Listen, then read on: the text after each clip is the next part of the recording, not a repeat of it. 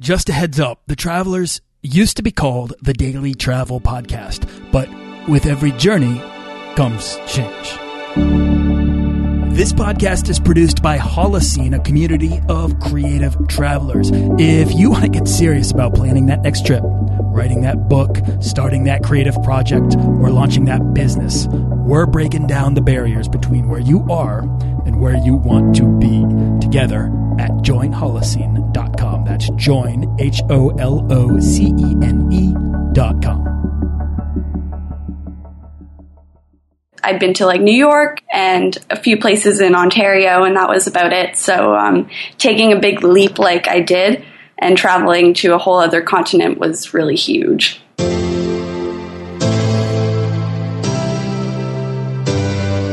This is a series of stories with fascinating people about things unexpected. The purpose behind the whole trip was to go out and collect stories of people making a difference in their community. This is the Daily Travel Podcast. To show the ways their hope and resilience has guided them through the obstacles. This is about going to the limits of our curiosity and creativity and writing the stories that make up our lives. And to show people that change is really attainable, especially if you're doing something that you love. This is a show about exploring the world to better know ourselves and about turning ourselves inside out to better know the world their tenacity and their strength, it's kind of helped me personally pull through any struggles I face back home.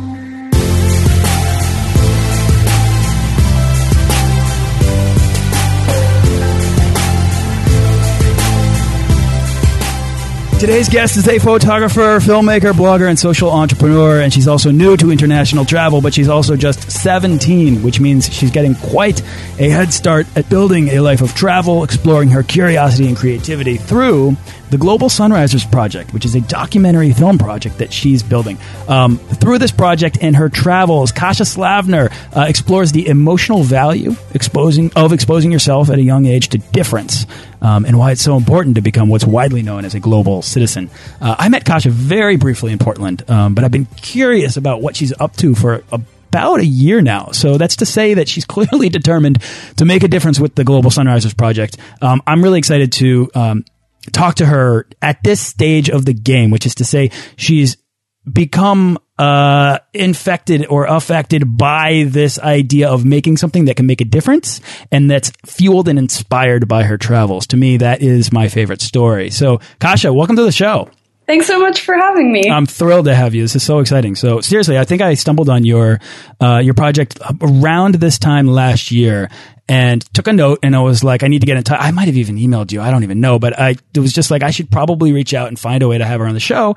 And then I got lucky enough to see you in a crowd in Portland at a conference and was just like, oh, that, this is my chance to just, to just grab her and say, Hey, what's up? The, the best way to connect with people is face to face and, uh, find that mutual interest. And I think what we have in common is travel and film. I went to film school. I didn't know if you know that. Oh, um, yeah. So for me, like making films and capturing images, even though I am a podcaster here, uh, film is the thing that I truly love. Um, and uh, travel and film, I think, I mean, travel can fuel your creativity on the road to create these beautiful things and explore the world through a lens that you get to not just see, but to also share. Um, I love that. So all right, so I shared a little bit about you and I went on about film. Let's let you introduce yourself. Um, where are you from, Kasia, and when did you start traveling? Um, I'm from Toronto, Canada, and um, I started traveling most recently about, I guess, when I was about 14. Um, yeah, I, I hadn't been traveling internationally up until last year, though. Um, the most I'd done, been to, I'd been to like New York, um, and a few places in Ontario, and that was about it. So um, taking a big leap like I did and traveling to a whole other continent was really huge. Yeah. All right. So where did you go, and what was the uh, reason for this trip? Yeah, sure. So, um, my mom and I ended up going to South Africa, Mozambique, Tanzania, and Thailand over a span of six months. Wow. Okay. Um, See, that's a huge leap. Yeah, very, very huge. I took a year out of school to do that, actually. Um, but the purpose uh, behind the whole trip was to go out and collect stories of people making a difference in their community, um, whether it's with a personal struggle that they're facing or an issue uh, that's facing the community at large, to show the ways their um, their hope and resilience has guided them through the obstacles and to show people that change is really attainable, especially if you're doing something that you love. Okay, that's huge. So let's take a step back before we even get into where that idea came from, because I love it. But let me ask you, uh, you said you went with your mom to these four countries, and there was South Africa, Mozambique, Thailand. Where was the other place? Tanzania. Tanzania. Wow, yeah. amazing. So that is to go from basically not traveling. Had your mother traveled much before, or was this a first for her as well? Yeah, she traveled in her day. Uh, B- BK, I like to call it before Kasia. Um, so yeah, she she had done some traveling, but not of um, I guess cultures like African or Asian cultures. She'd been to Europe and uh, through America before, but nothing like this as well. Yeah. Okay. So then before the, well, let's say, first of all, taking a year off from school is a big deal, but it sounded like you had an idea that you wanted to take this trip and make something of it, right? That was of so much value. It would make taking that year off and getting away from friends or getting away from school or having to go back and being a year behind, uh, which I don't know for a lot of teenagers, that's a, that's a pretty big deal. It's a kind of like a game changer. But for you, you had this idea and did that help make that, make it more clear that, you know, you should take this big trip? Yeah, oh, for sure. Um, it was all driven by my passion, which is photography and visual storytelling. Um, and it was it was really hard to make the leap because I was I am still a teenager and I still do worry about things like friends and um, being behind. That never goes away. Yeah, it never really goes away. but um, I think what mattered to me more was getting stories out because I saw such an injustice um, and such an apathy back home towards world issues and other cultures. I just, I really wanted to offer some sort of solution to that problem that I saw. Okay. So where did you see that problem before? Cause this was, this clearly you saw this before you took this trip to four different countries. Um, what happened before that trip that gave you this idea and gave you this perspective on the world that most people never find? I guess you could say this all started quite a long time ago when I was eight.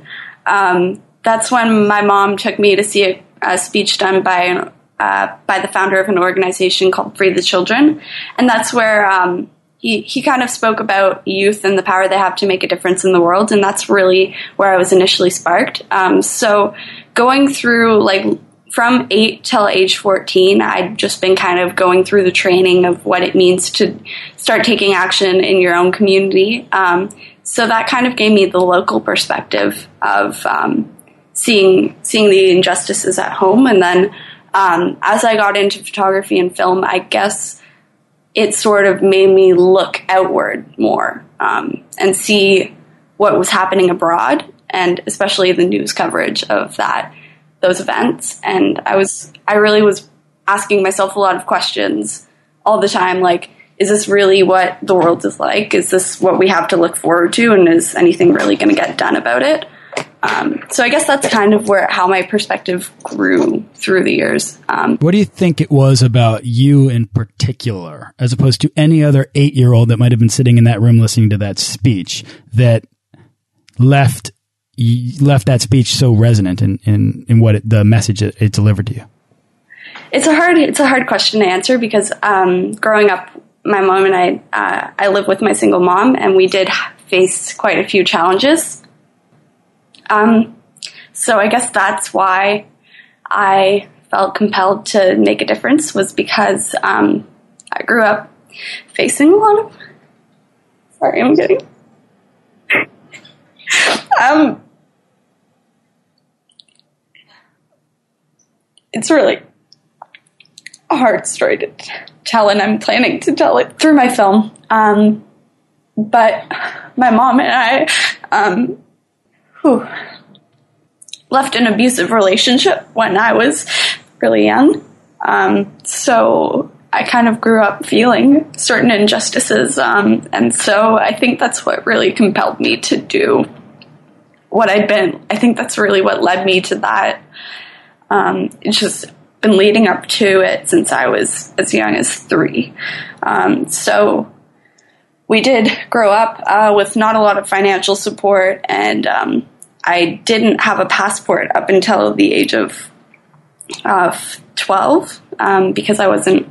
There was an issue with that um, that I wasn't really allowed to have it. So um, I really felt um, different than the other kids growing up, and I think that I could empathize with people who were facing certain struggles, and I think mm-hmm. that's what really led me to that. Um, if that's yeah, if that makes did, any sense. It, may, it makes lots of sense. So, did the speech that give you? I mean, I know to be, I think to be an eight-year-old and to to speak from your eight-year-old perspective is maybe a tough thing to do, um, no matter what age you are, even if you're just ten. but did this speech give you an idea or a feeling of empowerment, as if you could suddenly see that you could fix some of the things that previously you felt powerless to yeah. repair? For sure, it was it was really a moment of empowerment feeling looking at that and seeing what he'd started. Uh, the founder, he was 12 when he started started the organization, so it was really a moment of awe. I was like, another kid could do this. I could do this too. And there's there are tons of problems in, in the world. We all have to start. Like I'd been opened up to that very recent, very newly. Uh, it was very new, and I'd been opened up to that. So I really I was empowered. You you were right on right on yeah. with that one. Well, you know, awe is what pulls us forward, and that's a quote from Joseph Campbell. But it's this idea that we can find ourselves in a moment that is inescapable. We can give, we can find ourselves uh, experiencing something where we can feel something that uh, makes us more alive in the moment, makes us more aware of what's going on around us. I think this is the feeling of being more alive, and this is the thing that maybe we're all pursuing. But if you suddenly have this sort of drive to fixing this thing, or you feel empowered to make a change or make an impact you didn't realize, and it gives you that feeling that I, have seen from a number of my guests, it sort of sets you on a uh, course, it sets you on a mission to pursue that feeling and to go after that change um, that you can be. Uh, and I love that. So when did when did uh, this idea then from an eight year old? Uh, when did travel enter the picture as a potential solution? Yeah. So um, uh, going back to a little bit of my own personal social justice journey, um, I attended a peace camp with an organization called the Canadian Voice of Women for Peace in the summer um, when I was 14. And um, every year they run a delegation to a conference um, in New York held by the United Nations uh, called the Commission on the Status of Women. And so basically, what that is is a conference of about 8,000 men and women from every continent in the world. Um, and they all come with different NGOs and they discuss um, solutions to um, gender equality, uh, gender inequality and so um, I think that's what really made me um, passionate about traveling as a solution because I'd seen people come from so many different communities around the world that it really inspired me to go out and see what see them in their own element, see them in their own communities. And so yeah, that's when travel really became an idea in my mind. Amazing. All right, and so that was the first. Uh, that was the seed. When did actual travel begin to happen? Actual travel. Yeah. Um, so that happened about a year and a half later after I kind of workshopped the idea with my mom and thought of it as an actual possibility. Um, so traveling, that's when I really started traveling was about a year later when I turned 16. Um, yeah, and I traveled a little bit before when I was 14, but um, mm-hmm. it wasn't really for anything like this. So and so when you were 16, you went, this was the trip to South Africa, Mozambique, Tanzania, and Thailand. Great. So you had this whole plan. You have this whole sort of uh, drive and vision in a way to sort of uh, take what you've been through and make it work for you, not just for you, but for other people to, uh, to, why is it, why, why did you come across the name the Global Sunrisers Project? Okay. So the Global Sunrise Project, um, global, obviously, because it was um, it was a global journey. Um, the sunrise the sunrise came from the symbol that the sunrise is like a symbol for hope. Um, you know it's a new day and there are endless possibilities to what could happen in that day. Um, so it really it came through as a symbol for us uh, both me and my mom and it resonated with us. So uh, the global sunrise project was born because of that i guess those two ideas yeah, I love it. So, I mean, it's it's this idea of new beginnings, um, and and yet global is, of course, kind of what you're what you're pursuing, and this idea of becoming a global citizen. Um, how much of the idea that you had about this project, how much of that changed when you actually started traveling? What mainly changed once I started traveling was how I saw home. When I traveled, I was really I started out open minded to see what other cultures were like because I was really excited to learn about that. Um, and so I, I didn't really have any expectations. And so I didn't really, f- like, I, I know what I'd seen on the internet and in mainstream media, but I didn't really hold that as an expectation because I knew there could be more um, to a country than what I, I was being shown. So um, I think the main shock came when I was uh, uh, the main shock came when I was coming home and just seeing um, again the apathy and uh, the negativity in comparison to what I'd went out and seen witnessed, which was like well a lot of open heartedness. Um, in comparison to North America, I guess, as a culture, because when we went to Africa or Asia, the people that we were meeting, they were just not, I mean, obviously there are different um, types of people in every culture, but the kinds that we were setting out to meet, they were all very, they're very humble people, very open hearted, loving, um, very creative. So, it was kind of hard to come back home and just settle back into what I'd been in before, I guess. Is it because you found yourself less at home when you got back, or is it because you were more curious about all the what else might be out there?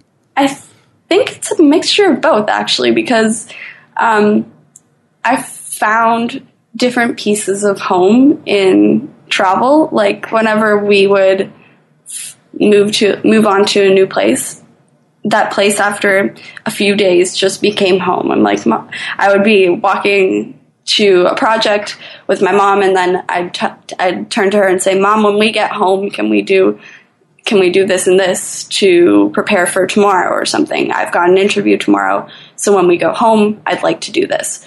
And she's like, "Home? Wait, what? What do you mean?" I'm like, "Oh, back at the hostel. Just home."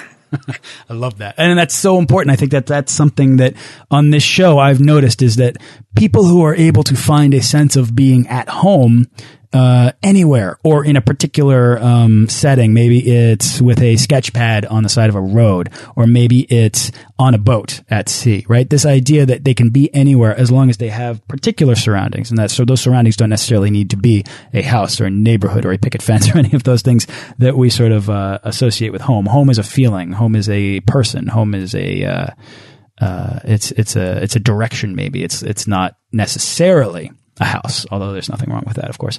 Um, so talk me through then the Global Sunrisers project. Exactly what was your goal and why did you select the four countries that you did? Um, so my, the whole goal with the Global Sunrise project was to use, um, I guess you could say travel and, uh, visual storytelling just to kind of open people's minds and hopefully through the finished product which will be a film and a book um, of reflections that people at least take away something. It doesn't have to be all the same thing. Maybe they take away something from a certain character uh, that I'm highlighting or a certain message that they have to share. Um, but hopefully, it just inspires people to start using their own passions for good and start seeing the world in a different way, maybe question the world and take action on that, I guess. Uh, why did you choose those four countries in particular, those four okay. destinations? Yeah. Uh, so the four countries, actually, we didn't choose them before we left. Um, we, we, anything we planned before we left ended up falling through. Um, we planned South Africa as a landing point because we had a friend, and also um, culturally, Africa was very different from what I'd known, and I wanted to explore it um, more, as well as Asia. The Asian and African culture cultural contexts were really different, and I wanted to explore that a little bit more. Um, but when we were traveling, um, we just naturally met people who had common connections in other countries, and so we'd connect with those people, and then um, it just all organically kind of came through the route, I guess. Great. So that actually might begin to answer the next question I had, which is how do you find these particular characters that you're talking about that you highlight in your film, or uh, I mean, in particular, injustices. I mean, this is not something that people travel to experience. It's not something that you can find in a guidebook or even very easily online on, you know, independent sites and forums and stuff. I mean, finding examples of injustice, pursuing them and talking to people about them. That's not easy. So how, what's your process in, in planning and discovering all of these different stories? Yeah, again, it was very, very organic, um, very unplanned, actually. So, um, for example, the first person I met on the trip. Um, her name is Michaela. She's about my age and she's from South Africa. Uh, we met her through Travel Massive, the Travel Massive community, um, because we went to a meetup in Cape Town, and um, a woman from a fair trade hostel reached out to us and said, "Hey, I have this incredible story that you you should you should talk to her, meet with her." And so um, it was through the characters that I learned a bit more about um, the adversities and I guess the injustices, you would say. Um, so she she told me about how in her community there's there's drugs being misused. There's a lot of gangsterism. Um, teenage pregnancy is a huge thing, and she she told me how she had ten or eleven friends who were already mothers, and she was seventeen. Um, and so the people that I meet along the way, they help me understand that a little bit more from their perspective and what it means to be living in that community and come from it and create something that's um, impactful instead. What sorts of doors did you find opened because you were working on a creative project as opposed to just being a curious traveler, as opposed to being a tourist? You were actually like an artist or a maker of things or a journalist. Uh, did you find that that made it easier for you to sort of penetrate into cultures, into people's stories, and, and actually document the thing that you're doing? Yeah, I think people, people, especially in those countries, they really want to be heard. I think there's so much. Obviously, there's so much coverage of these countries that we get a perception of what they're really like, um, and people just really want to kind of cut through that noise. I, I by talking to them, they just they told me about how important it was to share their stories, how important they felt it was as well. So I think that gave me a little bit of an advantage, um, I guess you could say, because um, I really want to share. I just want to share. So, South Africa, Mozambique, Tanzania, Thailand, what sorts of stories in particular, like specifically, uh, were you able to uncover? Did you find, or what are the ones? Let me ask you this more specifically: What are the ones that uh, really resonate with you still today? Um, I think the stories that resonate with me the most are ones that I learned about um, pertaining to youth. Um, so a lot of the youth leaders that a few of the youth leaders that I was able to meet on the road um, were the ones that stuck with me the most. Uh, so like Michaela, um, who, even though she lives in um, a really awful township, she's still um, gone through that. She and she was orphaned at um, a very young age. She's gone through that, and she's now um, attending universities, and she's planning her future, um, no matter how many struggles she may have faced. and another one, I guess. Um, is a girl named Napdow, uh, who you may have heard me talk about at Portland in Portland. Um, and she walked from Burma to Thailand at the age of 10 um, with the hope of obtaining an obtaining an education. But when she w- when she got there, she was denied. Um, access to education because she hadn't uh, been born in Thailand. And even though she was denied an education, she found an informal school somewhere else. And through that, she um, she got some form of um, education, and she was um, able to. She's also able to apply for universities now, and she's helping run the organization that she went to school with, um, with the founder. And yeah, the, just a few stories like that of youth who have faced um, really difficult adversity personally, and despite that, they're still focused on their own goals and finding uh, solutions to the issues as well. And I think it, it's not lost on me as to why those particular sorts of stories about youth and adversity would speak to you in particular because of your background. Um, so let me ask you then, what sort of effect has meeting these people had on you personally? Personally? Um, yeah, personally.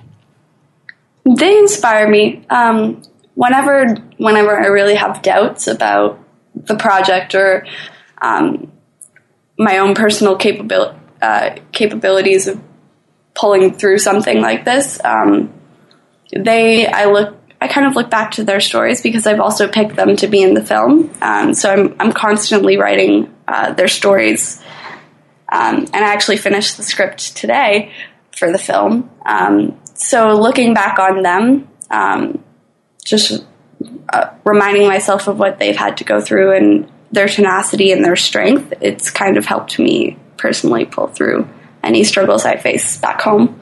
I love that. I mean, so often on this show, we talk about travel as therapy and, you know, whether or not you believe that you need it, whether or not, uh, you want to associate a stigma with the word therapy. It doesn't really, that doesn't matter. The fact that travel can be therapeutic, I feel is, it's indisputable. But then traveling to make things, traveling to express yourself in some way that lasts, that makes a difference, that matters, and that connects people to me is, it's, it's amazing. I mean, does this resonate with you or yeah. is this the kind of completely, thing that no completely um, i actually have a photography exhibition called travels into the heart and the title of that is basically it's basically that what you just said it's all about traveling with a purpose and traveling to connect to yourself and to other people and really open your mind and yeah i really resonate with that what sorts of photos are you capturing? What sorts of moments are you looking for in, when you title a, a show "Travels into the Heart"? What what are you looking to capture or, or display?